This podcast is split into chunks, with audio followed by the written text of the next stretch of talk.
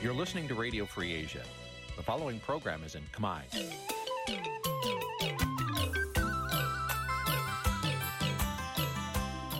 នេះជាកម្មវិធីផ្សាយ Vuthu Azizi Serai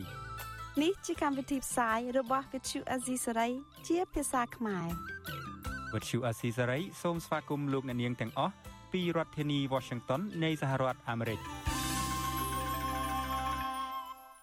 បាទពីរដ្ឋធានីវ៉ាស៊ីនតោនខ្ញុំបាទសេកបណ្ឌិតសូមជម្រាបសួរអស់លោកអ្នកនាងកញ្ញាទាំងអស់ជាទីមេត្រី បាទយើងខ្ញុំសូមជូនកម្មវិធីផ្សាយសម្រាប់រាត្រីថ្ងៃសៅរ៍6រោចខែអាសត់ឆ្នាំថោះបញ្ញស័កពុទ្ធសករាជ2567ត្រូវនៅថ្ងៃទី4ខែវិច្ឆិកាគ្រិស្តសករាជ2023បាទជាដំបូងនេះសូមអញ្ជើញអស់លោកអ្នកនាងស្ដាប់ព័ត៌មានប្រចាំថ្ងៃដែលមានមេត្តាដូចតទៅ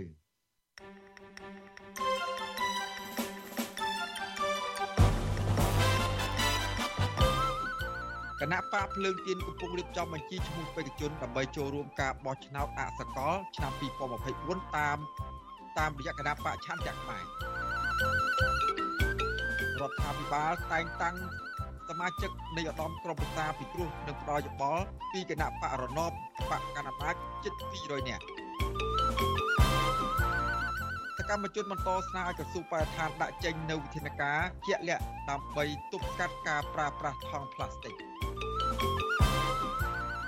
ការបោកបញ្ឆោតស្ត្រីខ្មែរយកទៅកេងប្រវ័ញ្ចកម្លាំងពលកម្មនិងជួញដូរផ្លូវភេទនៅចិនមិនទាន់ថយចុះរួមនឹងព័ត៌មានសំខាន់សំខាន់មួយចំនួនទៀត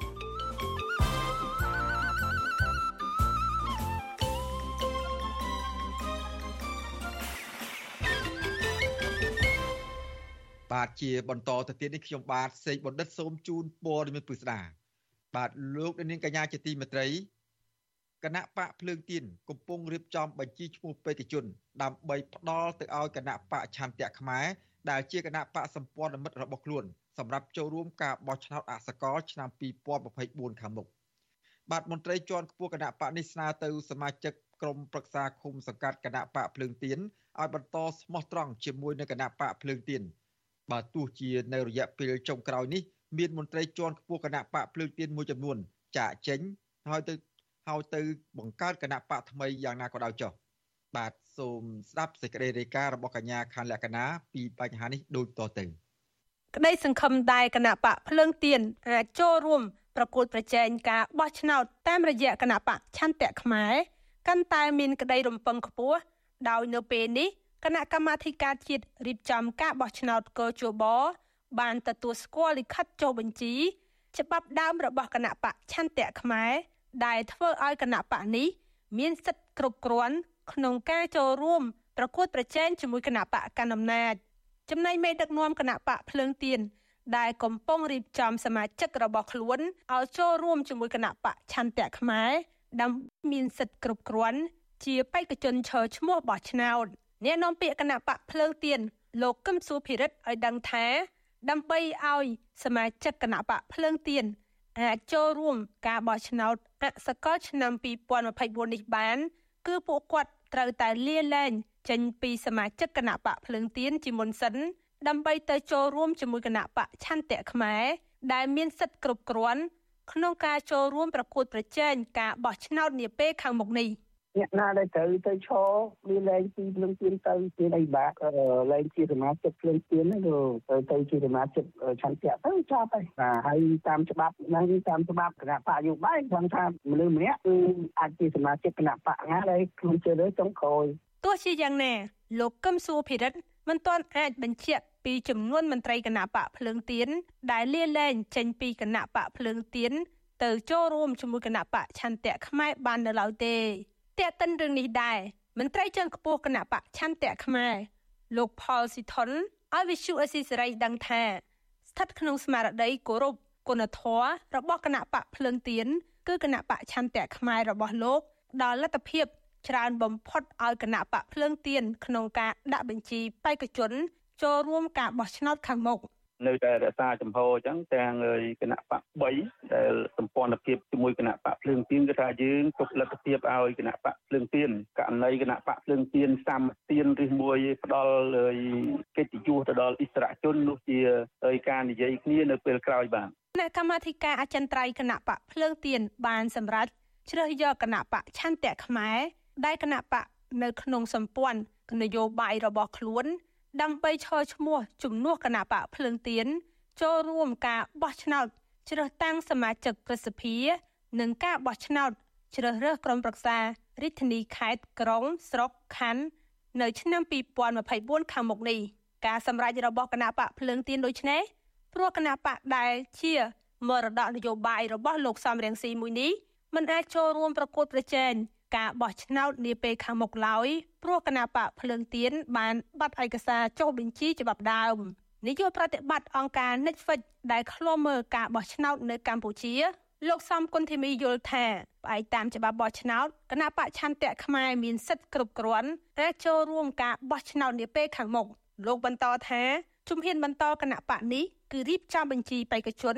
និងចុះមូលដ្ឋានបញ្យលអង្គបោះឆ្នោតលោកបន្តថា វត្តមានគណៈបកប្រឆាំងក្នុងការបោះឆ្នោតខាងមុខជាការវិវត្តល្អឡើងវិញនៃពន្លឺប្រជាធិបតេយ្យនៅកម្ពុជា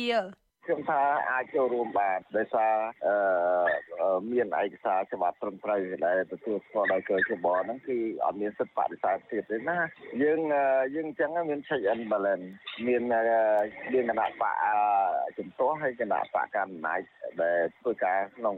ជួរប្រតិភិក្តីក្នុងជួរក្រុមប្រឹក្សារាជធានីខេត្តស្រុកខណ្ឌអីក៏ដោយណាមានតលរយៈពេលខ្លះដែរណាបាទទន្ទឹមទៅនឹងគណៈបកភ្លើងទៀន ដែលចូលរួមការបោះឆ្នោតតាមរយៈគណៈបកឆន្ទៈខ្មែរឈរឈ្មោះជំនួសនៅពេលនេះក្តីមន្ត្រីជាន់ខ្ពស់គណៈបកភ្លើងទៀនលើកឡើងដូចនេះក្រោយពេលលោកជាមូនីអតីតមេដឹកនាំសហជីពល្បីឈ្មោះនិងសមាជិកគណៈកម្មាធិការអចិន្ត្រៃយ៍គណៈបកភ្លើងទៀនជាង10នាក់ទៀតសម្រាប់ចិត្តចាក់ចេញពីគណៈបកភ្លើងទៀនទៅចូលរួមនយោបាយជាមួយគណៈបកកម្លាំងជាតិប៉ុន្តែមេដឹកនាំគណៈបកភ្លើងទៀនថានេះជាសិទ្ធិនយោបាយរបស់ពួកគេ ហើយបើក្រុមចាក់ចេញទាំងនោះ នៅតែរក្សាចំហដើម គឺការលះបង់ដើម្បីផលប្រយោជន៍រួម ពួកគេនឹងជួបគ្នាវិញនាពេលខាងមុខខ្ញុំខណ្ឌលក្ខណាវិសុអាស៊ីសេរីបាទលោកនាងកញ្ញាជាទីមេត្រីពាក់ព័ន្ធនឹងស្ថានភាពនយោបាយជាពិសេសពាក់ព័ន្ធនឹងគណៈបកនយោបាយដែលទើបនឹងបង្កើតថ្មីជាគឺជារដ្ឋាគឺជាគណៈបកក្រៅរដ្ឋាភិបាលបាទគណៈបកកម្លាំងជាតិ បដិសេធការលើកឡើងរបស់ប្រធានស្ដីទីគណៈបកភ្លើងទៀនលោកបណ្ឌិតសុខហាជដែលបានចាត់ទុកគណៈបកកម្លាំងជាតិជាកូនទី2ជាគណៈបកត្រៀមសម្រាប់ការបោះឆ្នោតនៅឆ្នាំ2024ខាងមុខបាទប្រធានគណៈបកកម្លាំងជាតិលោកសុនចន្ទធីប្រាប់បទសុអសីសេរីនៅថ្ងៃទី4វិច្ឆិកាថាគណៈបកកម្លាំងជាតិបង្កើតឡើងដោយជំហរច្បាស់លាស់ផ្ទាល់ខ្លួន និងមិនស្ថិតនៅក្រោមការរៀបចំឬបង្គាប់បញ្ជារបស់បុគ្គលណាឬក្រុមណាឬមួយក៏គណៈបកនយោបាយណាមួយនោះឡើយបាទលោកសុនចន្ទធីបន្ថែមថាគណៈបកកម្លាំងជាតិជាទីជំរកថ្មីរបស់អ្នកប្រជាធិបតេយ្យ គណៈបកកម្លាំងជាតិនេះគឺជាផ្ទះថ្មីផ្ទះសម្រាប់កម្លាំងអ្នកប្រជាធិបតេយ្យដែលធ្លាប់នៅផ្ទះចាស់តែផ្ទះចាស់មិនអាចទៅមុខបានអញ្ចឹងផ្ទះថ្មីគឺត្រៀមទទួលហើយប្រគល់ផ្ទះថ្មីនេះទៅឲ្យអ្នកប្រជាធិបតេយ្យក្នុងការគ្រប់គ្រងចាត់ចែងដឹកនាំសម្រាប់ឈ្មោះទៅចូលរួមកសាងប្រទេសជាតិនៅថ្ងៃអនាគតខាងមុខនេះបាទបាទទោះយ៉ាងណាក្តីលោកនៅពុំទាន់អាចអត្ថាធិប្បាយចំពោះការចងសម្ព័ន្ធភាពជាមួយនឹងគណៈបកដតីឬចូលរួមជាមួយនឹងសម្ព័ន្ធឈ្មោះទៅមុខ បាននោះទេគឺត្រូវរងចាំដល់ថ្ងៃសមាជរបស់គណៈបកកម្លាំងជាតិគឺនៅថ្ងៃទី12ខែវិច្ឆិកាខាងមុខជាមុនសិនបាទលោកបណ្ឌិតសុខហាជក្នុងកម្មវិធីនីតិវិទ្យាអ្នកស្ដាប់វិទ្យុអសីសេរីកាលពីរាត្រីថ្ងៃទី3ខែវិច្ឆិកាបានចាត់ទុកគណៈបកកម្លាំងជាតិជាកូនទី2បន្ទាប់ពីសម្ព័ន្ធភាពឆ្ពោះទៅមុខសមាជិកជាន់ខ្ពស់នៃគណៈបកភ្លើងទៀនមួយចំនួនបានលាលែងនិងចេញទៅបង្កើតគណៈបកថ្មី ដោយមានឈ្មោះថា គណៈបកកម្លាំងជាតិដែលត្រូវបានក្រសួងមហាផ្ទៃទទួលស្គាល់កាលពីថ្ងៃទី12ខែតុលាកម្មវិធី Vithu Azizi ស្រីសម្រាប់ទូរស័ព្ទដៃអាចឲ្យលោកអ្នកនាង អានអត្ថបទទស្សនាវីដេអូនិងស្ដាប់ការផ្សាយផ្ទាល់ដោយឥតគិតថ្លៃនិងដោយគ្មានការរំខានដើម្បីអាននិងទស្សនាមេតិការថ្មីៗពី Vithu Azizi ស្រី លោកអ្នកនាងគ្រាន់តែចុចបាល់កម្មវិធីរបស់ Vithu Azizi សេរីដែលបានដំឡើងរួចរាល់លើទូរស័ព្ទដៃរបស់លោកអ្នកនាងប្រសិនបើលោកអ្នកនាងចង់ស្ដាប់ការផ្សាយផ្ទាល់ឬការផ្សាយចាស់ចាស់សូមចុចលើប៊ូតុងរូបវិទ្យុដែលស្ថិតនៅផ្នែកខាងក្រោមនៃកម្មវិធីជាការស្ដាយ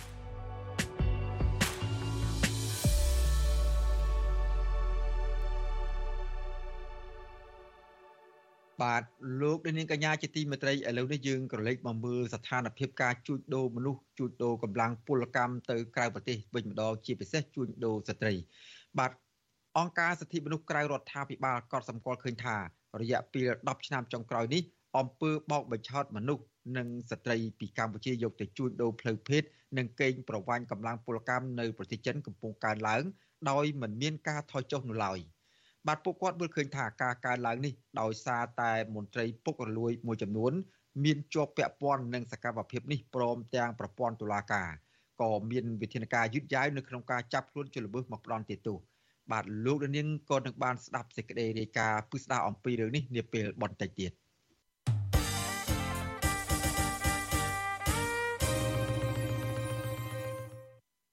បាទលោកនាងកញ្ញាជាទីមេត្រីមន្ត្រីសង្គមស៊ីវិលមានសុទ្ធិនិយមថា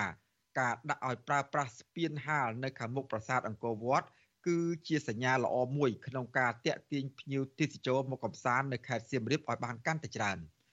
បាទពួកគាត់ជំរុញឲ្យអាជ្ញាធរបន្តអភិរក្សតំបន់ទេសចរប្រវត្តិសាស្ត្រមួយនេះនិងបង្កើនការថែរក្សាសន្តិសុខសណ្ដាប់ធ្នាប់នៅក្នុងប្រទេសដើម្បីរួមចំណែកតាក់ទាញនិងផ្ដល់សុវត្ថិភាពជូនដល់ភ្ញៀវទេសចរ បាទពីរដ្ឋធានី Washington អ្នកស្រីម៉ៅសុធីនីមានសេចក្តីរាយការណ៍អំពីរឿងនេះមន្ត្រីសង្គមស៊ីវិលសាទរចំពោះការដាក់ឲ្យដំណើរការឡើងវិញ នៅស្ពានហាលខាងលិចប្រាសាទអង្គរវត្ត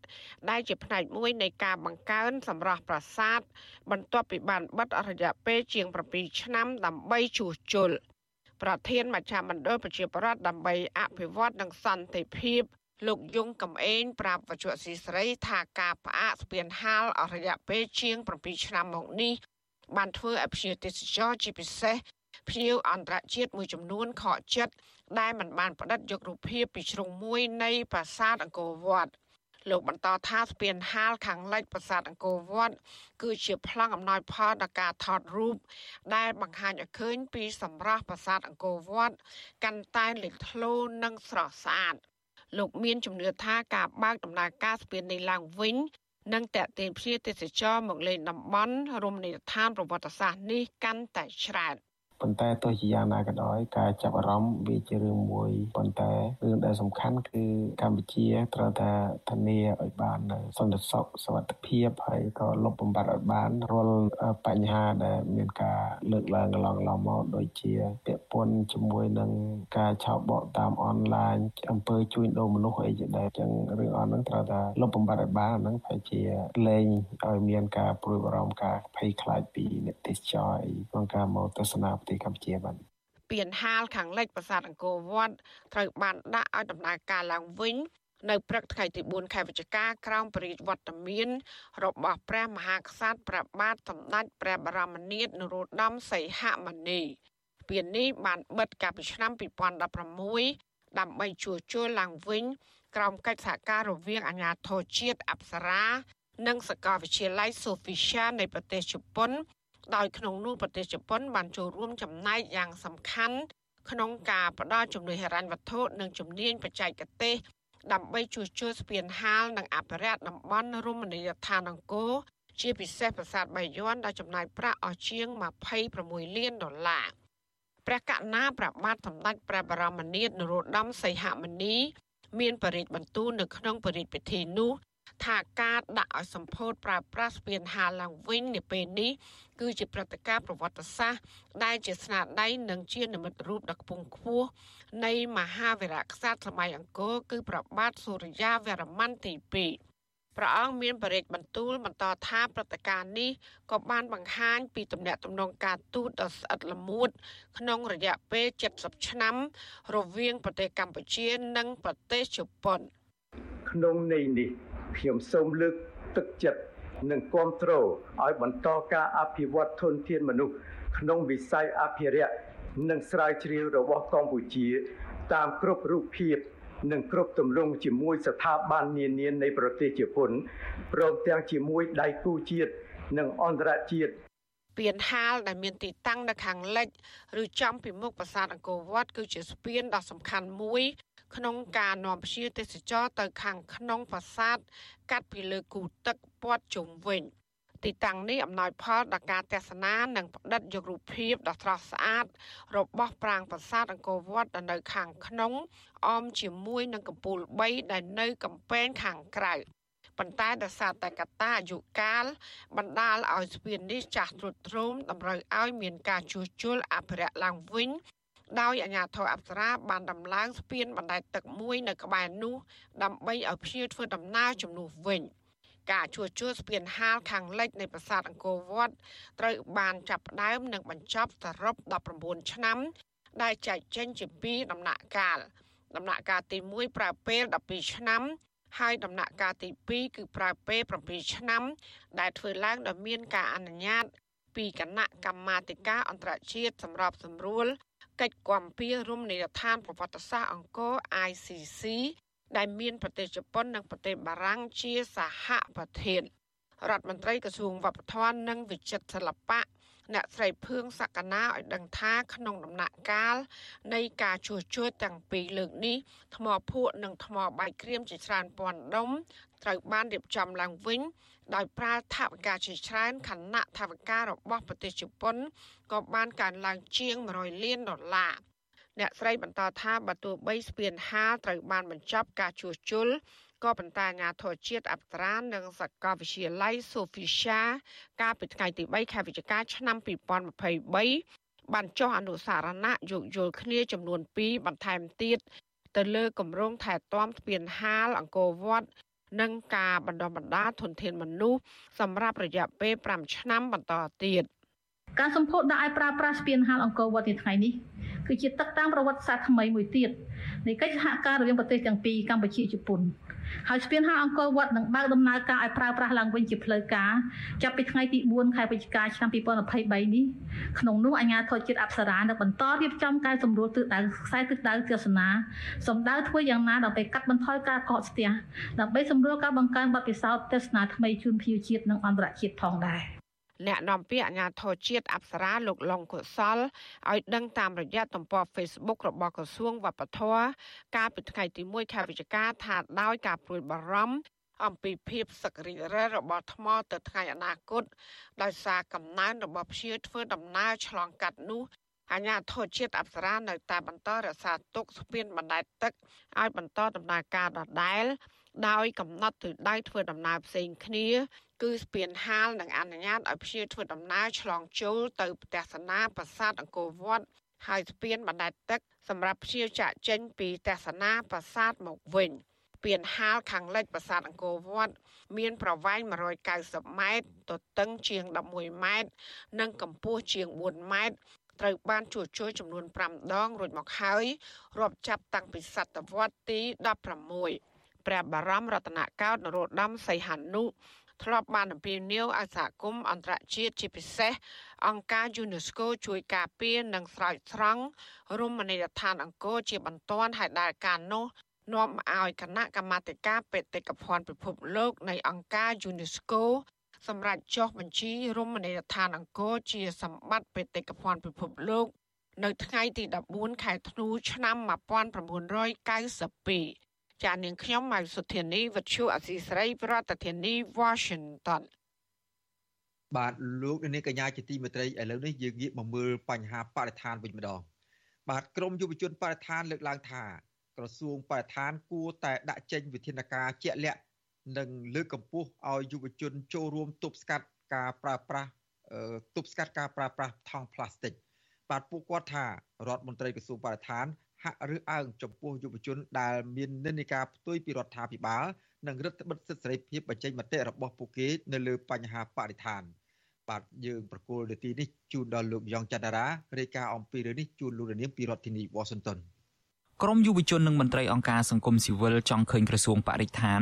ចាត់វិធានការឲ្យបានតឹងរឹងដើម្បីកាត់បន្ថយការប្រើប្រាស់ថង់ប្លាស្ទិកជាជាងមានតែការផ្សព្វផ្សាយដែលមិនឆ្លើយតបទៅនឹងបញ្ហាប្រឈម។ សកម្មជនសង្គមកញ្ញារៀមស្រីពេជ្ររតនាប្រាប់វិទ្យុអាស៊ីសេរីនៅថ្ងៃទី4ខែវិច្ឆិកាថាក្រសួងបរិស្ថាននៅតែមិនទាន់មានវិធានការជាក់លាក់ដើម្បីទប់ស្កាត់កំណើននៃអ្នកប្រើប្រាស់ថង់ប្លាស្ទិកនិងការទុកដាក់សម្រាមឲ្យបានត្រឹមត្រូវនៅឡើយទេពីព្រោះការអនុវត្តច្បាប់ធូររលុងដែលជាមូលហេតុធ្វើឲ្យម្ចាស់អាជីវកម្មនិងបរិវត្តមួយចំនួននៅតែប្រើប្រាស់ប្លាស្ទិកជាច្រើន។ មិនថាតែក្រសួងបរិស្ថានទេក្រសួងពាក់ព័ន្ធផ្សេងផ្សេងឬក៏រដ្ឋាភិបាលគឺសំខាន់ណាស់ត្រូវតែលើកទឹកចិត្តយុវជនហ្នឹងហើយព្រោះដោយសារតែនៅក្នុងសង្គមបើយើងនិយាយពីប្រជាធិបតេយ្យបើនិយាយពីទូនីតិរបស់ក្រសួងយើងបង្កើតមកដើម្បីអីគឺដើម្បីបំរើប្រជាពលរដ្ឋហើយមិនមែនដើម្បីមកថាប្រជាពលរដ្ឋគ្មានគំនិតស៊ីជម្រៅហើយទទួលយកសំណើដោយស្ងាត់ឈឹងចឹងទេគឺយើងត្រូវការការឆ្លើយតបចេញពីរដ្ឋមន្ត្រីដែលយើងបានដាក់ឲ្យកាន់តំណែងដើម្បីឲ្យធ្វើការ ស្រដៀងគ្នានេះដែរសកម្មជនចលនាមេដាធម្មជាតិលោកថនរដ្ឋាថ្លែងថាក្រសួងបរិស្ថានហាក់មិនខ្វល់ខ្វាយពីសម្លេងរិះគន់របស់ប្រជាពលរដ្ឋនិងចាត់ទុកការងារការពារបរិស្ថាន ជាសិទ្ធិផ្ដាច់មុខរបស់ក្រសួងដោយមិនអោយយុវជនចូលរួមឈឺឆ្អាល លោកបន្តថាបញ្ហាការចោលសម្រាមរាយប៉ាយនៅតាមទីសាធារណៈនៅតែបន្តកើតមានប្រសិនបើរដ្ឋមន្ត្រីក្រសួងបរិស្ថានមិនដាក់ពិន័យទៅលើអ្នកចោលសម្រាមនិងមិនបើកលំហសិទ្ធិសេរីភាពឲ្យយុវជនបានចូលរួម។ ខ្ញុំមើលឃើញថាវាគ្រាន់តែជាផ្នែកមួយដ៏តូចមែនតែនដើម្បីធ្វើយ៉ាងណាចូលរួមកាត់បន្ថយអ្វីដែលក្រសួងបរិស្ថានគួរតែមានហ្នឹងគឺគោលនយោបាយហើយជាការអនុវត្តដែលមានប្រសិទ្ធភាពជាក់លាក់ហើយពិសេសទៀតហ្នឹងយើងមើលឃើញថាគួរតែចាប់ផ្ដើមរៀបចំឲ្យមានការសម្អាតថង់ផ្លាស្ទិកមានការរៀបចំការទុកដាក់សម្រាមឲ្យបានត្រឹមត្រូវជាដើម ប្រតិកម្មរបស់យុវជននិងអ្នកការពារបរិស្ថាននេះធ្វើឡើងក្រោយពីក្រសួងបរិស្ថាន កាលពីថ្ងៃទី3វិច្ឆិកានៅខេត្តសៀមរាបបានចុះហត្ថលេខាលើកិច្ចសហប្រតិបត្តិការភាពជាដៃគូគ្មានផ្លាស្ទិកជាមួយអង្គការស្បៀងអាហារនិងកសិកម្មនិងកម្មវិធីអភិវឌ្ឍសហប្រជាជាតិរបស់អង្គការសហប្រជាជាតិដើម្បីចូលរួមក្នុងយុទ្ធនាការកាត់បន្ថយថង់ផ្លាស្ទិកដែលមានឈ្មោះថាថ្ងៃនេះខ្ញុំមិនប្រើប្រាស់ថង់ផ្លាស្ទិកទេ ដោយបានផ្សព្វផ្សាយទៅដល់ប្រជាពលរដ្ឋជាង30000នាក់គិតចាប់តាំងពីថ្ងៃទី1ខែកញ្ញាដល់ថ្ងៃទី3ខែវិច្ឆិកាឆ្នាំ2023គោលបំណងនៃកិច្ចសហប្រតិបត្តិការនេះគឺដើម្បីកំណត់ចំណុចអាទិភាពចំនួន3គឺស្អាតបៃតងនិងចីរភាពឆ្ពោះទៅរកការសម្រេចបាននៅអព្យាក្រឹតកបោនជុំវិញបញ្ហានេះប្រធានកម្មវិធីផ្នែកស្រាវជ្រាវនិងតស៊ូមតិនៃសមាគមបណ្ដាញយុវជនកម្ពុជា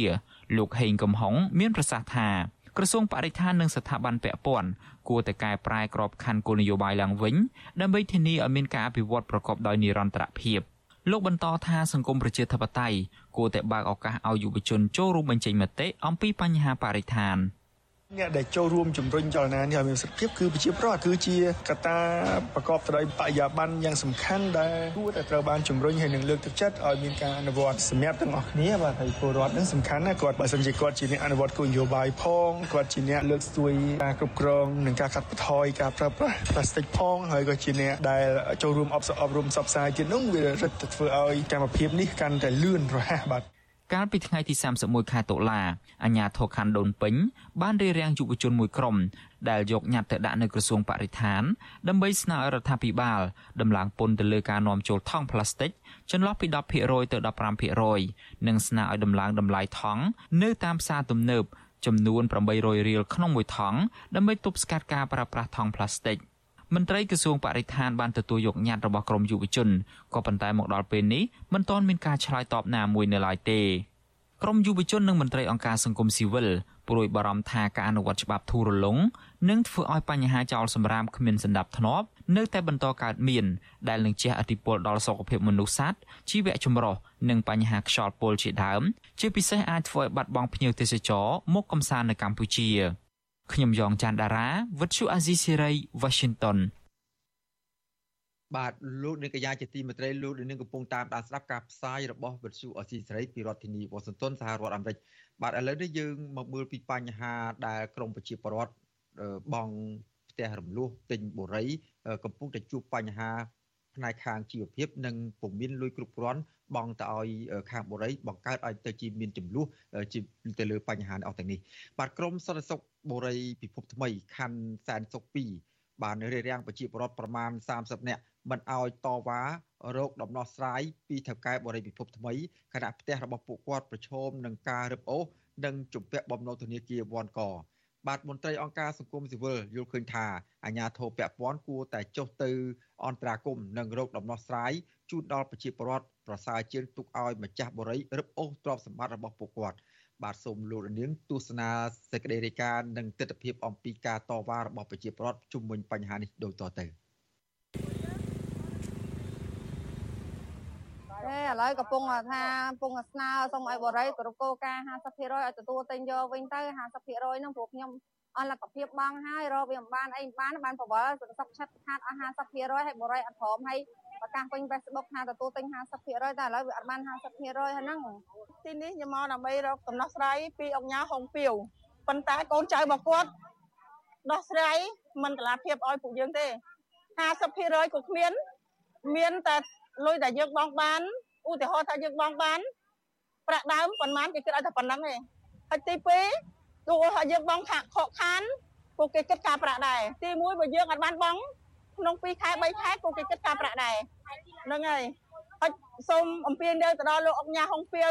លោកក៏ជាប់ជួយធ្វើស្អីសពរំជួនដើម្បីជួយអ្នកក្រដែរដើម្បីដោះស្រាយជួយអ្នកក្រវិញទៅអាណិតអ្នកក្រពួកអ្នកក្រមានតែប៉ុណ្្នឹងទេ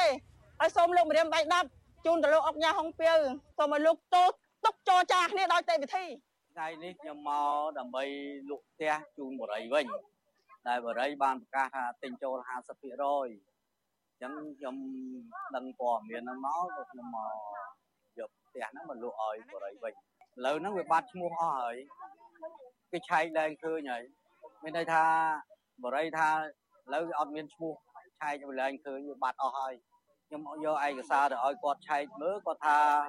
អឺឯកសារហ្នឹងគឺឆែកឡើងឃើញហើយហើយខ្ញុំក៏បានសួរគាត់វិញខ្ញុំថារឿងអីឯកសារប៉ុន្តែខ្ញុំខានបងខ្ញុំបានប្រាប់បរិយថាខ្ញុំអស់លទ្ធភាពបងតាំងពីខែ3មកដល់ពេលហើយខ្ញុំថាហេតុអីបានបាត់ឯកសារបាត់ទិន្នន័យរបស់ខ្ញុំអស់អញ្ចឹងអើយគាត់អ្នកបុគ្គលិកគាត់ក៏មិនដឹងដែរគាត់មិនដឹងឆ្លើយថាម៉េចហើយយើងក៏មិនដឹងថាម៉េចដល់ពេលអញ្ចឹងមិនដឹងថាអ្នកណាអ្នកអ្នកធ្វើឲ្យបាត់ឯកសារហ្នឹងហើយខ្ញុំឆ្ងល់ដែរ ហេតុអីក៏លុបឯកសារចោលមិនទៅបានប្រហែលខែនឹងលុបឯកសារចោលអស់អញ្ចឹងបាត់ឯកសារដែលដែលយើងជាជាម្ចាស់ដែលទិញនេះហើយខ្ញុំមានឯកសារខ្ញុំប៉ុន្តែក្នុងបរិយវាអត់មានក្នុងទិន្នន័យរបស់គេមានតែគេឆែកទៅវាអត់មានទិន្នន័យទេតែរ៉ាប់អូនហ្នឹងគឺគាត់ជិះមានសំណង50%មកខ្ញុំវិញមកបានហើយខ្ញុំអត់មានទៀមទីអីទេហើយមិនត្រូវយកឡានស្ទូច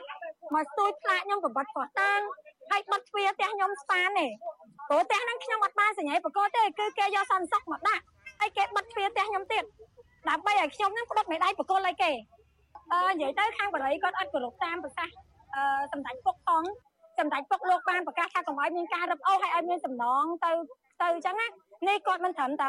មានសំណងឯងគាត់ប្រកាសទិញចូល50%ប៉ុន្តែពេលដែលខ្ញុំមកដល់ខាងបរិយក៏អត់មានដំណោះស្រាយឲ្យពួកខ្ញុំអ្នករឹបអូសផងអញ្ចឹងសូមលោកពុក ជួយកូនកូនផងអញ្ចឹងណាលោកពុកចា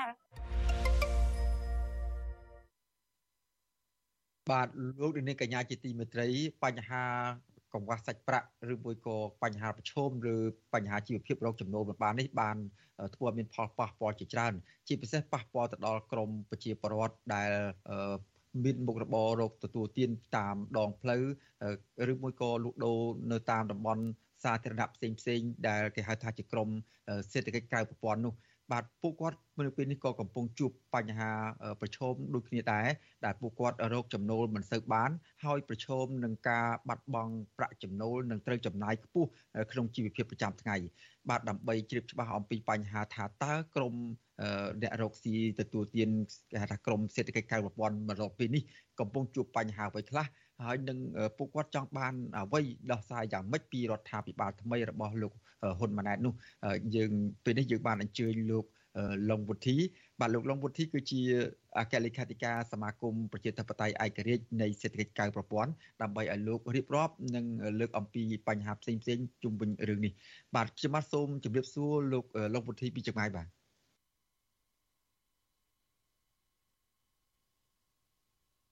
បាទ លោកឡុងពុទ្ធីឬសូវខ្ញុំទេបាទបាទជំរាបសួរលោកសេបណ្ឌិតបាទជំរាបសួរបាទបាទបាទហើយជំរាបសួរទៅដល់បងប្អូនដែលកំពុងតែតាមដាននៅក្នុងបណ្ដាញសង្គម Facebook ហើយដូចជាបងប្អូនដែលកំពុងតាមដានតាម page ផ្សាយបន្តផ្ទាល់របស់វិទ្យុអស៊ីស្រីផងដែរបាទបាទបាទចំពោះពុទ្ធីឥឡូវនេះលោក អាចរៀបរាប់បានទេថាតើក្រមសេដ្ឋកិច្ចក្រៅប្រព័ន្ធពេលនេះកំពុងតែជួបបញ្ហាអ្វីខ្លះជាចម្បងនោះបាទបាទអរគុណជាថ្មីម្ដងទៀតនេះសម្រាប់កម្មករសេដ្ឋកិច្ចក្រៅប្រព័ន្ធនៅក្នុងប្រទេសកម្ពុជាក៏ដូចជានៅតាមនៅតាមទីបណ្ដាខេត្តឬក៏តាមរាជធានីជាពិសេសគឺនៅរាជធានីភ្នំពេញតែម្ដងកម្មករសេដ្ឋកិច្ចក្រៅប្រព័ន្ធបើយើងផ្ដោត មានពី3ដែលសមាគមកំពុងធ្វើការជាមួយប៉ុន្តែខ្ញុំផ្ដោតមួយសិនចំពោះអឺអ្នកបកមុខរបរតាក់ស៊ីនិងអ្នកបកមុខរបរអឺជាអ្នករត់ម៉ូតូរមាក់ឥណ្ឌាម៉ូតូឬក៏ម៉ូតូកង់3នេះបាទផលលំបាករបស់ពួកគាត់សប្តាហ៍ថ្ងៃនេះគឺមានបញ្ហាមួយចំនួនដែលគាត់កំពុងតែពិបាកមែនទែនទី1គឺសាំងឡើងថ្លៃកាលពីមុនបោះឆ្នោត សាំងចុះថោកដល់ពេលបោះឆ្នោតហើយសាំងឡើងថ្លៃអញ្ចឹងធ្វើឲ្យប៉ះពាល់ជីវភាពគាត់មួយដែរដោយសារការចំណូលចំណូលរបស់គាត់រត់ទៅបានបានមួយថ្ងៃគាត់រកចំណូលបាន40000 50000ឬក៏ក្រោមនឹងផងគាត់បានប៉ុណ្ណឹងហើយគាត់ផាត់ចាក់សាំងហើយនឹងគាត់ទំនុកបំរុងសម្រាប់អាហារប្រចាំថ្ងៃចំពោះគាត់ហើយនឹងគាត់សម្រាប់ចិញ្ចឹមប្រពន្ធកូនរបស់គាត់គាត់ទៀតគឺចិត្តអស់តែម្ដងអាហ្នឹងនិយាយពីបញ្ហាអឺ សាំងឡើងថ្លៃហើយបញ្ហាមួយទៀតទៅចំណូលដែលថា30000 40000 50000ហ្នឹងបើយើងគិតទៅអានេះអឺយើងសម្រាប់ថាអាហារតែនៅគាត់នៅបង់ធនាគារទៀតដូចជារាល់ថ្ងៃនេះគាត់នៅបង់រមាក់រមាក់កង់3របស់គាត់គាត់បង់រំលោះដល់រំលោះអញ្ចឹងមួយថ្ងៃសន្សំយ៉ាងហើយណាស់ក៏5ដុល្លារទៀតដែរអញ្ចឹងបានន័យថាចំណូលគាត់ប្រចាំថ្ងៃគឺអត់គ្រប់តែម្ដងសម្រាប់គាត់ណាមួយរូបណាមួយរូបគឺអត់គ្រប់ទេតែគាត់ណាគាត់បានចំណូលពីផ្សេង ប្រពន្ធគាត់ខ្លះឯខ្លះធ្វើការជាកម្មកររោងចក្រឬក៏គាត់បានពីណាមកទៀតដើម្បីប្រគ្រប់ទេបាទអញ្ចឹងខ្ញុំសូមប៉ុណ្្នឹងសិនចាំខ្ញុំបន្ថែមតាមក្រោយពេលលោកសេមនិតមានសេចក្តីរាយការណ៍ឬមួយក៏មានការចុះផ្សាយទៅតាមបណ្ដាញសង្គម Facebook ឬមួយក៏ share តតគ្នាឲ្យដឹងថាអ្នកខ្លះរោគទទួលទានដែលពួកគាត់ជួលផ្ទះគេហ្នឹងរោគទទួលទានរោគចំណូលមិនបានថ្លៃបង់ផ្ទះ មួយខែ10000 20000ឬក៏អ្នកខ្លះមានជួលគេក្នុងតម្លៃ50ដុល្លារទៅ100ដុល្លារអីផងហ្នឹងរោគចំណូលមិនបានត្រូវម្ចាស់ផ្ទះហ្នឹងបណ្ដឹងចេញឬមួយក៏គាត់នឹងត្រូវបខំចិត្តផ្លាស់ប្ដូរទីលំនៅដោយសារតែគ្មានលុយបង់ថ្លៃឈ្នួលផ្ទះនឹងឲ្យគេតើព័ត៌មាននេះវាយ៉ាងម៉េចដែរតើលោកធ្វើការជាមួយនឹងក្រមសេដ្ឋកិច្ចក្រៅប្រព័ន្ធសប្តាហ៍នេះមានជួបបញ្ហានឹងយ៉ាងម៉េចដែរទេបាទ បាទអឺចំពោះបញ្ហារឿងជួលផ្ទះដែលពេលដែលគាត់អត់មានថវិកាបង់ថ្លៃផ្ទះត្រូវបានម្ចាស់ផ្ទះដេញចេញហ្នឹង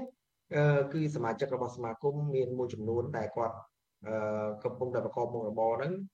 នៅតំបន់មួយចំនួននៃរាជរាជធានីភ្នំពេញហ្នឹងដូចជាមាននៅតំបន់ខណ្ឌពូសាន់ជ័យខណ្ឌកំបូល គាត់មានប៉ុន្តែគាត់ខ្ញុំមិនបានតបញ្ចេញនៅអ្វីដែលយើងថាឲ្យជាក់ស្ដែងទេដោយសារគាត់បានរីកាប្រាប់ព័ត៌មានមកខ្ញុំនឹងខ្ញុំក៏បានជជែកជាមួយគាត់ថាហេតុអ្វីបានជាម្ចាស់ផ្ទះមិនឲ្យគាត់ស្នាក់នៅបន្តហើយគាត់ក៏ប្រាប់ថាដោយសារទី1ប្រពន្ធគាត់ត្រូវបានគេបញ្ឈប់ពីកម្មករកម្មការីរោងចក្របាទដោយសារការងារមានធ្វើអាហ្នឹងព័ត៌មានចេញពីគាត់ការងារអត់មានធ្វើប្រពន្ធគាត់ឈប់ដល់ពេលគាត់ប្រកបមុខរបរជាអ្នករត់ រមាក់កង់3ទៀតសោតក៏រកអត់បានទៀតដល់ពេលរកអត់បានម្ចាស់ផ្ទះនៅស្រាប់ថានៅកំឡុងពេលនេះចង់មិនចង់គាត់ថាផុតកូវីដហើយដល់ពេលអញ្ចឹងគាត់ត្រូវតែមិនឲ្យយើងស្នាក់នៅទេទោះជាបញ្ចុះតម្លៃក៏មិនបញ្ចុះដែរតម្លៃផ្ទះជួលលបាក់ប្រហែលជា30 40ទៅ50ហើយផ្ទះជួលមួយចំនួនពេលដែលកម្មកររោងចក្រប្រាក់ខែមិនទាន់បានតម្លើងគាត់តម្លើងមុនបានហើយដោយសារទី1គាត់គិតថាពុន មានពុនបាទត្រូវបងពុនបងអីអញ្ចឹងគាត់តម្លើងផ្ទះជួលឲ្យឡើងថ្លៃបាត់ហើយអញ្ចឹងទេបានជាជីវភាពកម្មកររោងចក្រសប្តាហ៍ថ្ងៃនេះគឺមានកម្មកររោងចក្រដូចជាកម្មករសេដ្ឋកិច្ចក្រៅប្រព័ន្ធជួបការលំបាកមែនទែនដូចទៅក្នុងរូបភាពនឹងអញ្ចឹងយើងឃើញកម្មកររោងចក្រគាត់សុខចិត្តជិះឡានបជ្រាបគ្នាហើយប្តីរបស់គាត់ក៏រត់រមាក់កង់3ខែរមាក់អឺកង់3ឬក៏រមាក់ខ្មែរយើងដែលយើងថាប្រកបមុខរបរសេដ្ឋកិច្ចក្រៅប្រព័ន្ធរមាក់ទេសចរហ្នឹងគឺជួបការលំបាកនឹងតែម្ដងបាទអញ្ចឹងខ្ញុំសូមជម្រាបជាព័ត៌មានប៉ុណ្ណឹងថាជីវភាពរបស់ប្រជាពលរដ្ឋសពថ្ងៃសម្រាប់កម្មករសេដ្ឋកិច្ចក្រៅប្រព័ន្ធនេះគឺមានពីលំបាកណាស់អញ្ចឹងតម្រាំតែទៅមុខទៀតយើងអត់ទាន់ដឹងថារោងចក្រមួយចំនួនយើងមើលទៅថាផ្អាកការងារបណ្ដាបណ្ដាហើយរោងចក្រមួយចំនួនក៏បិទដែរអាហ្នឹងខ្ញុំជាព័ត៌មានជូនទៅដល់លោកស៊ីមនិតបាទបាទអរគុណច្រើនបញ្ហាមួយទៀតដោយលើកលោកលើកឡើងអំបញ្ញមិញនេះអញ្ចឹងថាអឺមុនបោះឆ្នោត សាំងនោះគឺថាចុះថោកអឺដល់ពេលបោះឆ្នោតហើយនឹង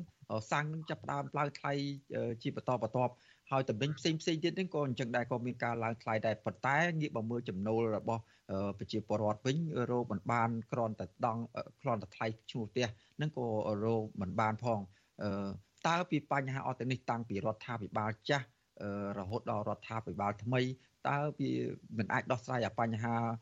កង្វះជីវភាព នេះបានដោយសារតែបញ្ហាអ្វីដែរតាមអ្វីដែលលោកគិតឃើញនេះបាទបើតាមដែលខ្ញុំគិតឃើញឬក៏ដូចជាបងប្អូនគាត់ជួបប្រទះផ្ទាល់ហ្នឹងគឺពីមុនបោះឆ្នោត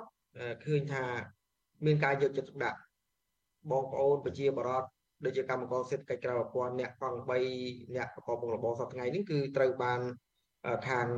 ចៅសង្កាត់សាលារាជធានី គាត់យកចិត្តដាក់យកចិត្តទុកដាក់ណាស់ចែកអង្គចែកលុយចែកដើម្បីផ្សេងផ្សេងដើម្បីឲ្យគាត់បាទ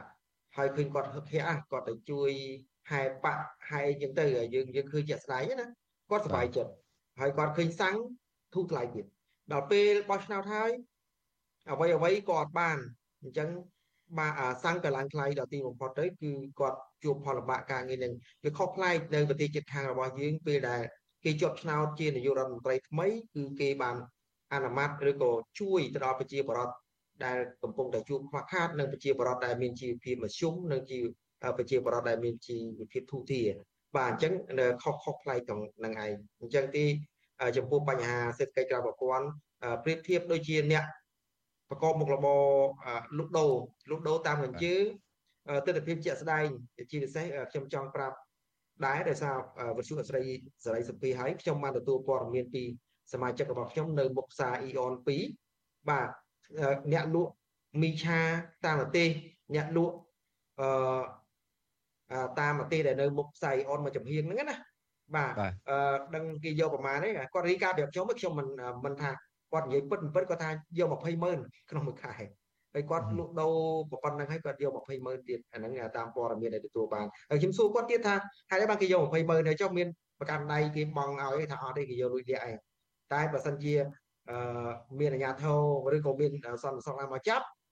គេប្រាប់មុនប៉ុន្តែបើប្រាប់មិនទាន់គេចាប់អូសយកទៅដាក់ខណ្ឌសិនទៅបាទហ្នឹងអ្វីដែលជាស្អីគាត់ផ្ដល់ព័ត៌មានមកខ្ញុំ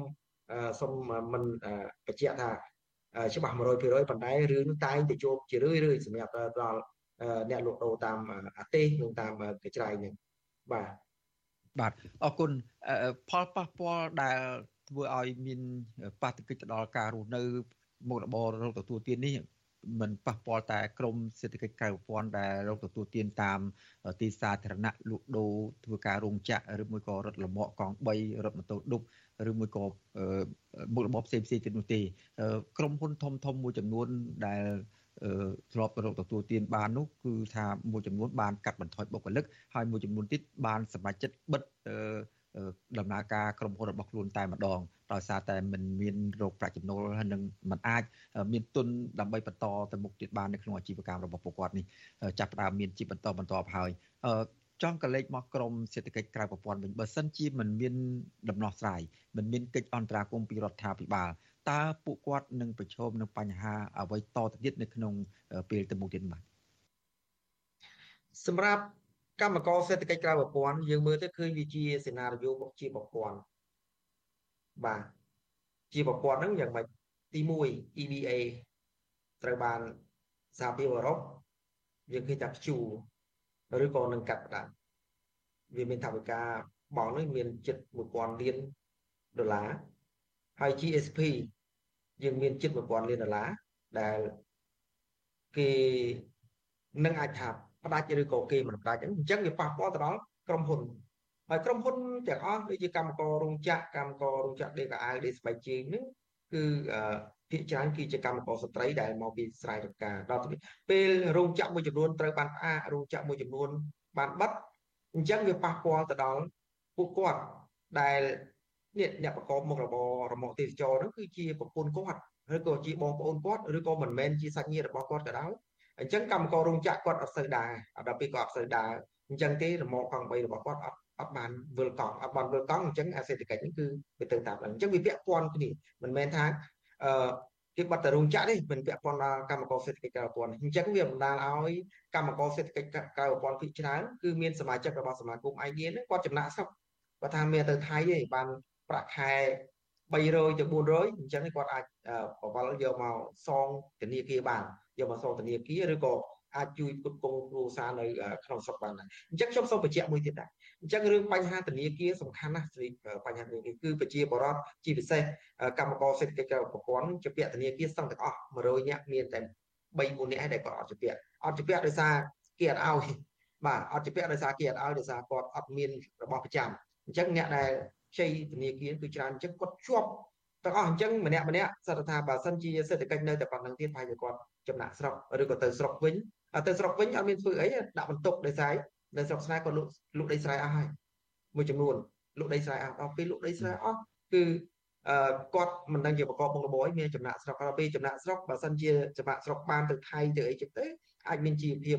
អាចទប់ទល់បានចុះបើសិនជាអត់បានចំណាក់ស្រុកគាត់ធ្វើអីមានតែដីគោជើងគ្នាជាមួយបងប្អូនម្ដាយចាស់ ប្រពន្ធនៅស្រុកទៀតហើយអត់មានស្រែធ្វើទៀតអញ្ចឹងឯងដែលជាបញ្ហាអឺគួរណារដ្ឋាភិបាលគួរតែគិតគូរមែនទេចាយើងគិតគូរធ្វើម៉េចបើកលំហប្រជាធិបតេយ្យឬក៏យើងធ្វើយ៉ាងម៉េចដើម្បីទទួលយក GSP ឬក៏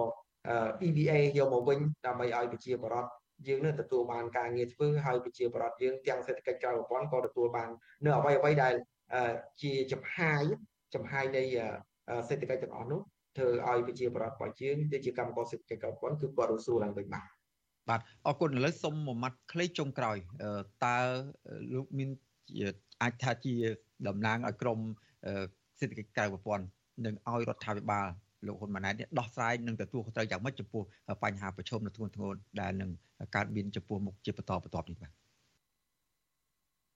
អឺចំពោះខ្ញុំ ជាកម្មករសេដ្ឋកិច្ចក្រៅប្រព័ន្ធឃើញដែរសម្ដេចនាយករដ្ឋមន្ត្រីឃើញគាត់មានប្រសាសន៍ល្អថាអឺជួយទៅដល់កម្មករសេដ្ឋកិច្ចក្រៅប្រព័ន្ធដូចជាការថែទាំសុខភាពឬក៏បញ្ហាផ្សេងផ្សេងហ្នឹងប៉ុន្តែកម្មករសេដ្ឋកិច្ចក្រៅប្រព័ន្ធអត់មានចំណូលទេអត់មានចំណូលទេទេសចរអត់មានហើយទេសចរក្នុងស្រុកក៏អត់គាត់អត់ទៅដើរដែរគាត់ដើរដែរប៉ុន្តែជួនកាលគាត់មិនបានមកជិះរបស់កង់3ទេគាត់សុខចិត្តជិះម៉ូតូខ្លួនឯងចាក់សាំងទៅទៀតគាត់ជិះឡើងខ្លួនឯងចាក់សាំងឡើងទៅទៀត តែដល់ពេលអ្នកប្រកបមុខរបរសេដ្ឋកិច្ចក្រៅប្រព័ន្ធគឺគាត់អត់បានទទួលនៅអ្វីទាំងនេះអញ្ចឹងទេសចរមិនសូវមានហើយអ្នកក្នុងស្រុកក៏មិនសូវមានអញ្ចឹងធ្វើឲ្យគាត់រំទុកអញ្ចឹងមានសំណុំពរទៅដល់សម្ដេចនាយករដ្ឋមន្ត្រីបាទអាហ្នឹងតាមអ្វីដែលខ្ញុំឃើញតាមអ្វីដែលខ្ញុំចង់ប្រាំឆ្នាំថាគួរណាបើកលំហប្រជាធិបតេយ្យឲ្យមានអ្នកចូលរួមទាំងជំទាស់ទាំងគ្រប់គ្រងឬក៏ទាំងអ្វីហ្នឹងដើម្បីឲ្យខាង EBA ខាង GSP គេផ្ដល់ ពេញលេញមកវិញអញ្ចឹងរឿងដំណោះស្រាយសេដ្ឋកិច្ចហ្នឹងគឺវាដើរមកខ្លួនឯងហ្នឹងខ្ញុំសូមគោរពប៉ុណ្្នឹងឯងពីព្រោះខ្ញុំជាប្រជាពលរដ្ឋហើយក៏ដូចជាខ្ញុំតំណាងឲ្យបងប្អូនអ្នករកកង់3ហ្នឹងគឺឃើញបញ្ហាប៉ះពាល់ទាំងហ្នឹងហើយតែប៉ះពាល់រឿងបញ្ហាសេដ្ឋកិច្ចហ្នឹងហើយគឺប៉ះពាល់ទាំងអស់ហើយបាទប៉ះពាល់ទាំងអស់ហើយព្រោះមួយឆ្នាំមួយឆ្នាំរាប់ពាន់លានបែរជាយើងអត់ទទួលយកហើយយើងបែរជាទុកបែបអញ្ចឹងអញ្ចឹងវាធ្វើឲ្យប៉ះពាល់សេដ្ឋកិច្ចគ្រប់បែបគ្រប់យ៉ាងអញ្ចឹងសូមសំណូមពរទៅដល់ សម្ដេចនាយករដ្ឋមន្ត្រីជួយពិចារណាហើយយើងគិតទទួលយកហើយបើកលំហប្រជាធិបតេយ្យដើម្បីសង្គមជាតិយើងនិងប្រជាបរតយើងរស់នៅបានសុខស្រួលផងបាទសូមអរគុណ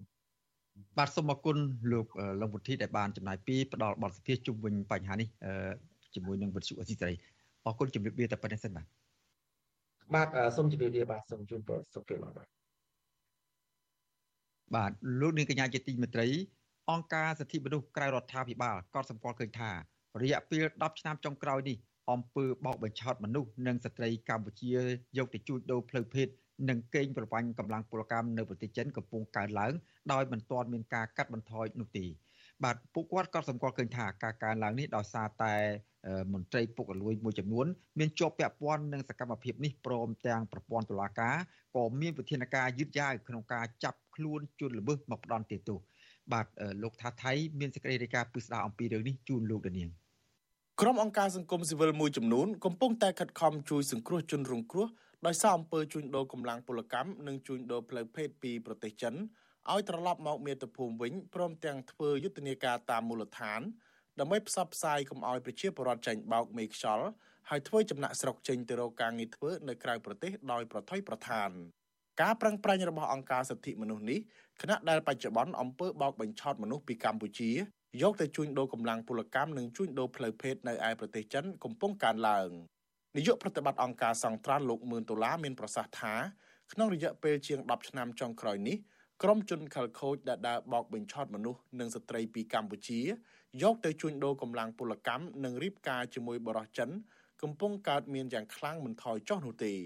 លោកមឿនដុល្លារឲ្យដឹងទៀតថាក្នុងរយៈពេលជាង10ឆ្នាំមកហើយ ដែលអង្គការរបស់លោកតែងតែជួយសង្គ្រោះពលរដ្ឋខ្មែរនិងស្ត្រីពីប្រទេសចិនឲ្យត្រឡប់មកស្រុកវិញ ដោយយ៉ាងហោចណាស់ក៏ចំនួនពី7ទៅ10នាក់ដែរក្នុងមួយឆ្នាំមួយឆ្នាំបច្ចុប្បន្ននេះមានជនខិលខូចខ្លះតែងតែដើរទៅតាមតំបន់ដាច់ស្រយាលតាមបណ្ដាខេត្តមួយចំនួនហើយបោកបញ្ឆោតមនុស្សដែលពេញកម្លាំងឲ្យទៅធ្វើការព្រមទាំងស្ត្រីក្មេងៗមានរូបសម្រស់ស្អាតថាទៅធ្វើការនៅប្រទេសចិន គឺបានប្រាក់ខែថ្លៃពី2000ទៅ3000ដុល្លារក្នុងមួយខែ ហើយស្របពេលដែលមនុស្សជាច្រើនកំពុងតែមានជីវភាពខ្វះខាត ចង់បានការងារធ្វើផងនោះក៏ត្រូវមេខ្យល់ធ្វើលិខិតឆ្លងដែននិងទឹកតការតាមរូបភាពជាអ្នកទេសចរទៅដើរកំសាន្តនៅប្រទេសចិនក៏ប៉ុន្តែពេលទៅដល់ប្រទេសចិន គេក៏ដកលិខិតឆ្លងដែនរបស់គាត់ហើយខ្លះលក់ទៅឲ្យធ្វើការដោយមិនមានប្រាក់ខែនិងស្ត្រីខ្លះទៀតត្រូវគេបង្ខំឲ្យរៀបការជាមួយបរិសុទ្ធចិនដែលភាគច្រើនគឺជាមនុស្សមិនសូវគ្រប់លក្ខណៈ ដើម្បីបង្កើតកូនឲ្យគេព្រមទាំងបង្ខំឲ្យបម្រើគ្រួសាររបស់គេនិងធ្វើការងារដោយមិនគិតថ្លៃ បើតាមជនរងគ្រោះគាត់លើកឡើងថាមានស្ត្រីខ្មែរនឹងច្រើនមានបរិបទខ្មែរខ្លះដែរប៉ុន្តែភាគច្រើនគឺស្ត្រីហើយនៅខេត្តកងជើហ្នឹងក៏ច្រើនជាងគេដែរបើសិនជាស្ត្រីយកស្ត្រីហ្នឹងគឺទៅឲ្យរៀបការជាមួយនឹងជនជាតិចិនហ្នឹងដោយបង្ខំហើយហើយនៅស្រុកចិត្តនេះកន្លងមកគឺមានគោលនយោបាយកូនតែមួយណាអញ្ចឹងទៅចិនវាមានអធិបរណានៃចំនួនបរិះច្រើនជាងស្ត្រីដល់ពេលអញ្ចឹងបរិះចិនហ្នឹងពិបាករកប្រពន្ធណាដោយសារស្រីតិចជាងតែដូច្នេះហើយបានជាជាពិសេសអ្នកដែលអត់មានកាយសម្បទាសុពលហ្នឹងប្រឹងរកប្រពន្ធពីប្រទេសផ្សេងៗយកស្ត្រីពីភូមាពីកម្ពុជាពីវៀតណាមពីឡាវអញ្ចឹងណាបាទលោកមឿនតឡាបញ្ជាក់ថាភ ieck ច្រើនមេខ្យល់តែងតែនាំកម្លាំងពលកម្មនិងស្ត្រីយកទៅជួញដូរនៅប្រទេសចិននោះតាមជើងយន្តហោះនិងផ្លូវគោកតាមច្រករបៀងព្រំដែនឆ្លងកាត់ប្រទេសវៀតណាមជនរងគ្រោះជាស្ត្រីវ័យក្មេងម្នាក់ឈ្មោះអោសុជីអាយុប្រហែល17ឆ្នាំ នៅឃុំប៉ាលហាលនៃស្រុកត្បៃមានជ័យខេត្តព្រះវិហាររៀបរាប់ថានាងបានចាញ់បោកមេខ្យល់តាំងពីឆ្នាំ2021ជនរងគ្រោះរូបនេះក៏បានថ្លែងប្រាប់បន្ថែមទៀតអំពីការធ្វើទុកបុកម្នេញលើរូបនាងនៅឯប្រទេសចិនតាមបណ្ដាញសង្គមដោយទទូចឲ្យរដ្ឋាភិបាលខ្មែរជួយរំដោះរូបនាងបានវិលត្រឡប់មកស្រុកកំណើតជួបជុំក្រុមគ្រួសារឡើងវិញខ្ញុំចាញ់បោកមេខ្យល់យកមកលួននៅប្រទេសចិនហើយគេវាយដំខ្ញុំផ្ទះខ្ញុំតាត់ខ្ញុំ គុំខាំងខ្ញុំនៅក្នុងបន្ទប់ហើយលួចខ្ញុំពីម្នាក់ទៅម្នាក់ហើយមានតែលើកមករៀមដៃ10ទេឲ្យបងប្អូនអ្នកខ្មែរជួយយកខ្ញុំទៅផ្ទះផងឲ្យជួយ share គ្នាឲ្យអ្នកធំអ្នកតូចបានឃើញខ្ញុំខ្ញុំពិបាកណាស់ហើយខ្ញុំចង់ទៅផ្ទះខ្ញុំវិញខ្ញុំអត់ចង់នៅចិនទេខ្ញុំខ្លាចគេវាយធ្វើបាបខ្ញុំទៀតប៉ុន្តែគូឲ្យសោកស្ដាយអង្គការសិទ្ធិមនុស្សនិងអង្គការសង្គមស៊ីវិលជាច្រើនមិនអាចតាមរកនាងអោសុជីឃើញឡើយដោយសារតែក្រុមគ្រួសាររបស់នាងមិនសហការ ព្រមទាំងផ្លាស់ប្ដូរទីលំនៅចេញបាត់ពីភូមិដែលធ្លាប់រស់នៅមន្ត្រីសមាគមការពារសិទ្ធិមនុស្សអាត់ហុកទទួលបន្ទុកការងារស្ត្រីនិងកុមារប្រចាំខេត្តព្រះវិហារអ្នកស្រីហូម៉ាបូនីមានប្រសាសន៍ថាសមាគមអាត់ហុកបានព្យាយាមខ្នះខ្នែងជួយក្មេងស្រីអោសុជីនេះក៏ប៉ុន្តែម្ដាយរបស់នាងដែលជាប់ចោតវិបត្តិលក់កូនស្រីរបស់ខ្លួននោះមិនព្រមសហការជាមួយក្រុមអង្គការក្រៅរដ្ឋាភិបាលដើម្បីផ្ដល់ព័ត៌មានអំពីកន្លែងដែលកូនរបស់គាត់ស្នាក់នៅក្នុងប្រទេសចិនទេ អត់តាមបានមកដល់ទេកូនហ្នឹងហើយណាមួយយើងព្យាយាមជួបម្ដាយដើម្បីឲ្យអត់ហត់ជួយយ៉ាងម៉េចតែមកក្រុមគ្រួសារហ្នឹងយើងព្យាយាមទៅតាមរកក្រុមគ្រួសារតែគឺគាត់ក៏ផ្លាស់ទីនៅហ្នឹងទៅណាអ្នកខ្លះថាគាត់ផ្លាស់ដូរទៅនៅភ្នំពេញទៅអីចឹងណាអញ្ចឹងករណីហ្នឹងអត់ហត់អត់បានធ្វើអីគាត់ហើយណាមួយករណីរឿងហ្នឹងគាត់មេខ្យល់ហ្នឹងក៏ជាប់ពន្ធនាគារអីរួចអស់ហើយជនរងគ្រោះជាស្ត្រីខ្មែរម្នាក់ទៀតសុំមិនបញ្ចេញឈ្មោះរស់នៅស្រុករវៀងខេត្តព្រះវិហារដែលទើបតែជួយសង្គ្រោះឲ្យត្រឡប់មកពីប្រទេសចិនវិញនាងបានប្រាប់វិទ្យុអាស៊ីសេរីថា មេខ្យល់បានបោកបញ្ឆោតរូបនាងយកទៅស្រុកចិន តាំងពីចុងឆ្នាំ2015មេខ្យល់បានឲ្យប្រាក់ទៅម្ដាយរបស់នាងចំនួន1000ដុល្លារអាមេរិកហើយប្រាប់ថានាំរូបនាងទៅធ្វើការនៅប្រទេសចិន បានប្រាក់ខែច្រើនបន្ទាប់មកមេខ្យល់នាំរូបនាងឆ្លងដែនតាមប្រទេសវៀតណាមហើយស្នាក់នៅក្នុងប្រទេសវៀតណាមប្រហែលជាកន្លះខែពេលស្នាក់នៅក្នុងប្រទេសវៀតណាមនោះនាងបានដឹងថាគេមិនមែននាំរូបនាងទៅធ្វើការនៅប្រទេសចិនទេ គឺយករូបនាងទៅលក់ឲ្យរៀបការជាមួយបរិសចិនម្នាក់ដែលជាប្រភេទមនុស្សមិនសូវគ្រប់ទឹកស្ត្រីដដែលបញ្ជាក់ទៀតថាបើទោះបីជានាងដឹងថាបរិសដែលនាងត្រូវរៀបការជាមួយគឺជាមនុស្សដែលមិនគ្រប់លក្ខណៈក៏ដោយក៏រូបនាងមិនអាចប្រកែកបានទេពីព្រោះខ្លាចគេធ្វើបាបនាងមិនដឹងថាមេខ្យល់ដែលនាំនាងទៅនោះគេទទួលបានប្រាក់ចំនួនប៉ុន្មានពីបរិសចិននោះទេក៏ប៉ុន្តែនាងដឹងត្រឹមតែថាម្ដាយរបស់នាងទទួលបានប្រាក់តែ1000ដុល្លារគត់ មុនពេលគេនាំរូបនាងចេញពីផ្ទះគេធ្វើបាបផ្លូវចិត្តហ្នឹងគេចាត់ទុកយ៉ាងដូចប្រពន្ធចាត់ទុកដូចជាស្រីកំដរអារម្មណ៍ដូចគេចង់បានតែកូនគេជឿគេស្ដីគេស្អប់ គេអត់វាយធ្វើបាបគាត់តែអត់ពេញចិត្តយើងយើងនៅមួយគេអត់ចោះសម្រងចឹងតែកាត់កូនបានមួយខែអត់តនេះចង់រស់នៅមួយខ្ញុំហ្មងបខំចង់មានកូនប្រុសព្រោះពេលខ្ញុំមានកូនខ្ញុំមានតែស្រីខ្ញុំពិបាករស់នៅជាមួយដោយសារឲ្យបាយឲ្យចំណីហូបតែលុយអត់ឲ្យទេលុយគឺឲ្យទៅម្ដាយគាត់អ្នកកាន់ទាំងអស់បញ្ហាមួយទៀតគាត់ឲ្យខ្ញុំតាក់តងមកម៉ែពុកនៅខ្មែរចឹងទូរស័ព្ទក៏អត់ឲ្យខ្ញុំលេងដែរហើយសម្បីតែខ្មែរខ្មែរចិត្តចាស់ក៏គាត់អត់ឲ្យជួបអត់ឲ្យស្គាល់ខ្ញុំអត់ឲ្យខ្ញុំចេញទៅណាឲ្យខ្ញុំនៅតែក្នុងផ្ទះខ្ញុំពិបាកអត់មានសេរីភាពហ៎ អ្នកស្រីហ៊ូម៉ាបូនីឲ្យដឹងថាក្នុងឆ្នាំ2023នេះសមាគមការពារសិទ្ធិមនុស្សអាត់ហុកបានជួយសង្គ្រោះប្រជាពលរដ្ឋក្នុងខេត្តព្រះវិហារដែលគេជួញដូរទៅប្រទេសចិនឲ្យត្រឡប់មកផ្ទះវិញបាន7ករណីហើយអ្នកនាំពាក្យសមាគមការពារសិទ្ធិមនុស្សអាត់ហុកលោកសង្សានករណាមានប្រសាសន៍ថារូបភាពនៃអំពើជួញដូរមនុស្សទៅកាន់ប្រទេសចិនភ្នាក់ច្រើនគឺចាញ់បោកមេខ្យល់តាមរយៈមិត្តភ័ក្តិឬក៏សាច់ញាតិបញ្ចុះបញ្ចូល ឲ្យយល់ព្រមទៅធ្វើការដោយសារតែឃើញមនុស្សខ្លះដែលគេទៅធ្វើការនៅចិន មានលុយច្រើនជីវិតបែបហឺហាជាដើមរូបភាពខ្លះទៀតគឺជារបៀបរៀបការជាមួយបរិសចិនក៏មានប៉ុន្តែពេលដែលចេញពីប្រទេសកម្ពុជាទៅដល់ប្រទេសចិនទើបដឹងថាខ្លួនចាញ់បោកគេ ពេលខ្លះយើងក៏មានការជួយត្រឡប់មកបានពេលខ្លះក៏ពិបាកក្នុងការជួយត្រឡប់មកវិញដែរដោយសារតែជនខលខូជនល្មើសហ្នឹងគេមានល្បិចក្នុងការលាក់បាំងក្នុងការទប់ស្កាត់មិនឲ្យពួកគាត់មានឱកាសវិលត្រឡប់មកវិញជាដើមអញ្ចឹងហើយយើងមានការព្រួយបារម្ភណាស់ហើយអញ្ចឹងហើយបានផ្សព្វផ្សាយឲ្យប្រជាពលរដ្ឋគាត់យល់ដឹងមានការគិតពិចារណាឲ្យបានខ្ពស់មុននឹងធ្វើចំណាក់ស្រុកចេញទៅក្រៅប្រទេសទៅអីជាដើមជៀសវាងមានការចាញ់បោកទៅនឹងមេខ្យល់ហើយធ្វើឲ្យមានបញ្ហាមកដល់ខ្លួនឯងជាដើមនឹងឯងបើទោះបីជាយ៉ាងណាវត្ថុអាស៊ីសេរីមិនអាចសុំការពន្យល់ពីអ្នកនាំពាក្យក្រសួងការបរទេសលោកអានសុខឿននិងរដ្ឋលេខាធិការក្រសួងមហាផ្ទៃទទួលបន្ទុកប្រឆាំងការជួញដូរស្ត្រីនិងការពីអនិច្ចជនអ្នកស្រីជូប៊ុនអេងបានថាយ៉ាងណានៅឡើយទេនៅថ្ងៃទី4ខែវិច្ឆិកានាយកប្រតិបត្តិអង្គការសង្ត្រាល់លោកមឿនដុល្លារឲ្យដឹងថាក្នុងរយៈពេល10ឆ្នាំចុងក្រោយនេះ អំពើបោកបញ្ឆោតនាំមនុស្សទៅជួញដូរកម្លាំងពលកម្មនិងផ្លូវភេទពីកម្ពុជាទៅប្រទេសចិនមិនថយចុះទេបើទោះបីជាក្រសួងការបរទេសកម្ពុជានិងស្ថានទូតចិនប្រចាំកម្ពុជាធ្លាប់បានពង្រឹងកិច្ចសហប្រតិបត្តិការដោយរដ្ឋបတ်ក្នុងការចេញទឹកដីការឲ្យស្ត្រីខ្មែរទៅលេងចិន មានកម្រិតមែនក៏ប៉ុន្តែការនាំស្ត្រីខ្មែរឲ្យធ្វើដំណើរតាមយន្តហោះបានថយចុះហើយការធ្វើដំណើរតាមផ្លូវគោកនៃច្រករបៀងព្រំដែនកម្ពុជាវៀតណាមបានកើនឡើងទៅវិញ គេហទំព័រឈ្មោះ Modern Diplomacy បានដកស្រង់តាមរបាយការណ៍អង្គការសហប្រជាជាតិស្តីពីគ្រឿងញៀននិងឧក្រិដ្ឋកម្មមកផ្សព្វផ្សាយកាលពីថ្ងៃទី3ខែវិច្ឆិកាថាការជួញដូរមនុស្សនិងបេសកចារនៅកម្ពុជាបានកើតមាននៅខេត្តព្រះសីហនុតាំងពីឆ្នាំ2019នៅតាមកន្លែងលេងល្បែងស៊ីសងស្របច្បាប់ជាច្រើនប្រទេសកម្ពុជាមិនត្រឹមតែជាប្រភពដែលផ្គត់ផ្គង់បេសកចារទៅឲ្យប្រទេសដទៃទៀតក្នុងការជួញដូរផ្លូវភេទប៉ុណ្ណោះទេកម្ពុជាក៏ជាចំណុចឆ្លងកាត់ របស់ក្រុមជួញដូរមនុស្សមកពីប្រទេសចិនវៀតណាមនិងថៃផងដែរអង្គការសហប្រជាជាតិស្តីពីគ្រឿងញៀននិងឧក្រិដ្ឋកម្មបានរកឃើញទៀតថាបច្ចុប្បន្ននេះក្រៅពីការនាំស្ត្រីទៅជួញដូរនៅក្រៅប្រទេសគឺស្ត្រីជាច្រើនទៀតត្រូវគេជួញដូរពីតំបន់មួយទៅតំបន់មួយក្នុងប្រទេសកម្ពុជាដូចជាខេត្តសៀមរាបក្រុងព្រះសីហនុនិងរាជធានីភ្នំពេញក្នុងតម្លៃខ្លួនដែលបរិះបរទេសហ៊ានចំណាយប្រាក់ពី800ទៅ4000ដុល្លារដើម្បីរួមភេទក្រុមអង្គការក្រៅរដ្ឋាភិបាល យល់ថាបច្ចុប្បន្ននេះពាក់ព័ន្ធនឹងអំពើជួញដូរមនុស្សចេះតែកើនឡើងគឺដោយសារតែការបង្ក្រាបមិនមានប្រសិទ្ធភាពពីព្រោះតែមន្ត្រីនិងកងកម្លាំងសន្តិសុខរបស់រដ្ឋាភិបាលខ្លះមានជាប់ពាក់ព័ន្ធនឹងការខុបខិតជាមួយបណ្ដាញអ ுக ្រិតជនហើយប្រព័ន្ធតុលាការទៀតសោតក៏មានអំពើពុករលួយទទួលសំណូកជាធ្នូនឹងការមិនចោតប្រកាន់និងផ្ដន្ទាទោសទៅលើក្រុមអ ுக ្រិតជនទាំងនោះជាដើមខ្ញុំថាថៃពីទីក្រុងមែលប៊នបាទលោកនាងកញ្ញាជាទីមេត្រី គណៈបកភ្លើងទៀនកំពុងរៀបចំបញ្ជីឈ្មោះបេក្ខជនដើម្បីផ្ដល់ទៅឲ្យគណៈបកឆន្ទៈខ្មែរដែលជាគណៈបកសម្ព័ន្ធមិត្តរបស់ខ្លួនសម្រាប់ចូលរួមបោះឆ្នោតអសកលឆ្នាំ2024ខាងមុខនេះបាទសូមស្ដាប់សេចក្តីរាយការណ៍របស់កញ្ញាលក្ខណាអំពីរឿងនេះដូចតទៅក្តីសង្ឃឹមដែរគណៈបកភ្លើងទៀនអាចចូលរួមប្រកួតប្រជែងការបោះឆ្នោតតាមរយៈគណៈបកឆន្ទៈខ្មែរកាន់តែមានក្តីរំពឹងខ្ពស់ដោយនៅពេលនេះ គណៈកម្មាធិការជាតិរៀបចំការបោះឆ្នោតកោជបបានទទួលស្គាល់លិខិតចុះបញ្ជីច្បាប់ដើមរបស់គណៈបកឆន្ទៈខ្មែរដែលធ្វើឲ្យគណៈបកនេះ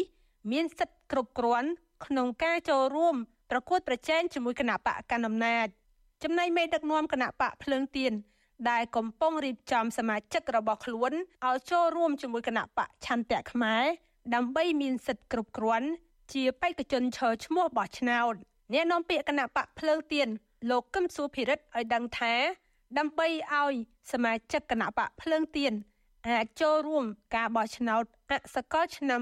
2024នេះបាន គឺពួកគាត់ត្រូវតែលាលែងចេញពីសមាជិកគណៈបកភ្លើងទៀនជាមុនសិនដើម្បីទៅចូលរួមជាមួយគណៈបកឆន្ទៈខ្មែរដែលមានសិទ្ធិគ្រប់គ្រាន់ក្នុងការចូលរួមប្រកួតប្រជែងការបោះឆ្នោតនាពេលខាងមុខនេះ។ អ្នកណាដែលត្រូវទៅឈរមានលែងពីភ្លើងទៀនទៅជាអីបាក់លែងជាសមាជិកភ្លើងទៀនហ្នឹងទៅទៅជាសមាជិកឆន្ទៈទៅចប់ហើយបាទហើយតាមច្បាប់ហ្នឹងតាមច្បាប់គណៈបកយោបាយខ្ញុំថាមនុស្សម្នាក់គឺអាចជាសមាជិកគណៈបកណាដែលខ្លួនជឿលើចុងក្រោយទោះជាយ៉ាងណាលោកកឹមសុភិរិទ្ធមិនទាន់អាចបញ្ជាក់ពីចំនួនមន្ត្រីគណៈបកភ្លើងទៀនដែលលាលែងចេញពីគណៈបកភ្លើងទៀនទៅចូលរួមជាមួយគណៈបកឆន្ទៈខ្មែរបាននៅឡើយទេ តេតិនរឿងនេះដែរមន្ត្រីជាន់ខ្ពស់គណៈបកឆន្ទៈខ្មែរលោកផលស៊ីថុនឲ្យវិសុអេស៊ីសេរីដឹងថា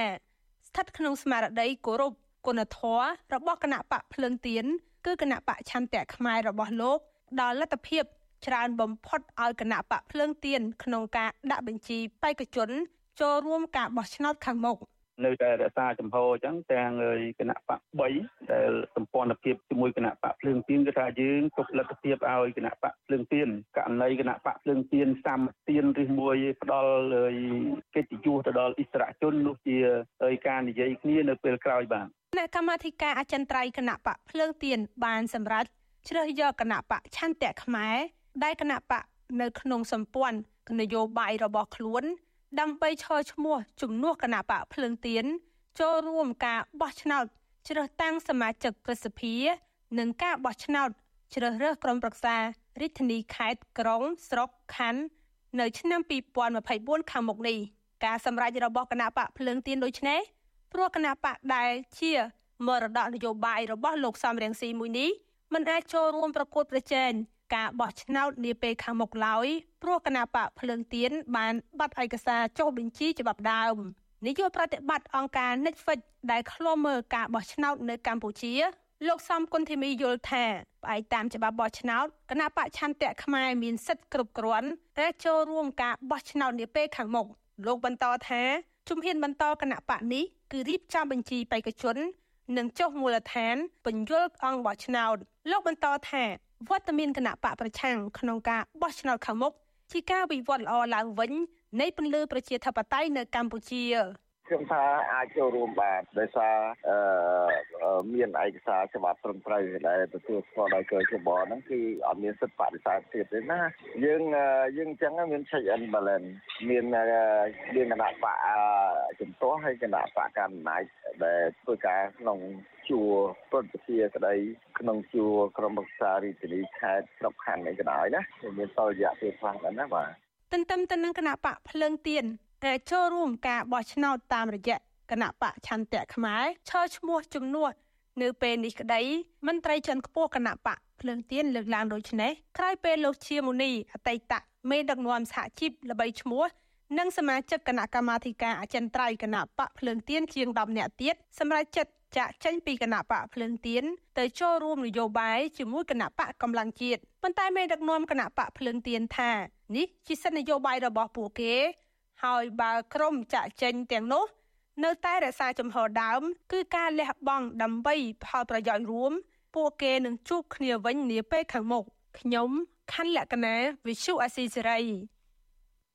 បាទលោកនាងកញ្ញាជាទីមេត្រី កម្មវិធីផ្សាយរបស់វិទ្យុអសីស្រីពីរដ្ឋធានីវ៉ាស៊ីនតោនដែលផ្សាយនៅក្នុងរាត្រីថ្ងៃសៅរ៍នេះបានឈានដល់ទីចប់ហើយខ្ញុំបាទសេកបណ្ឌិតព្រមទាំងក្រុមការងារទាំងអស់របស់វិទ្យុអសីស្រីសូមអរគុណចំពោះអស់លោកនាងដែលបានតាមដានស្ដាប់ការផ្សាយរបស់យើងខ្ញុំហើយសូមជូនពរអស់លោកនាងឲ្យជួបប្រកបតែនឹងសេចក្តីសុខចម្រើនរុងរឿងកំបីគ្លៀងគ្លីឡើយបាទខ្ញុំបាទសូមអរគុណនិងសូមជម្រាបលារាត្រីសួស្តី thank you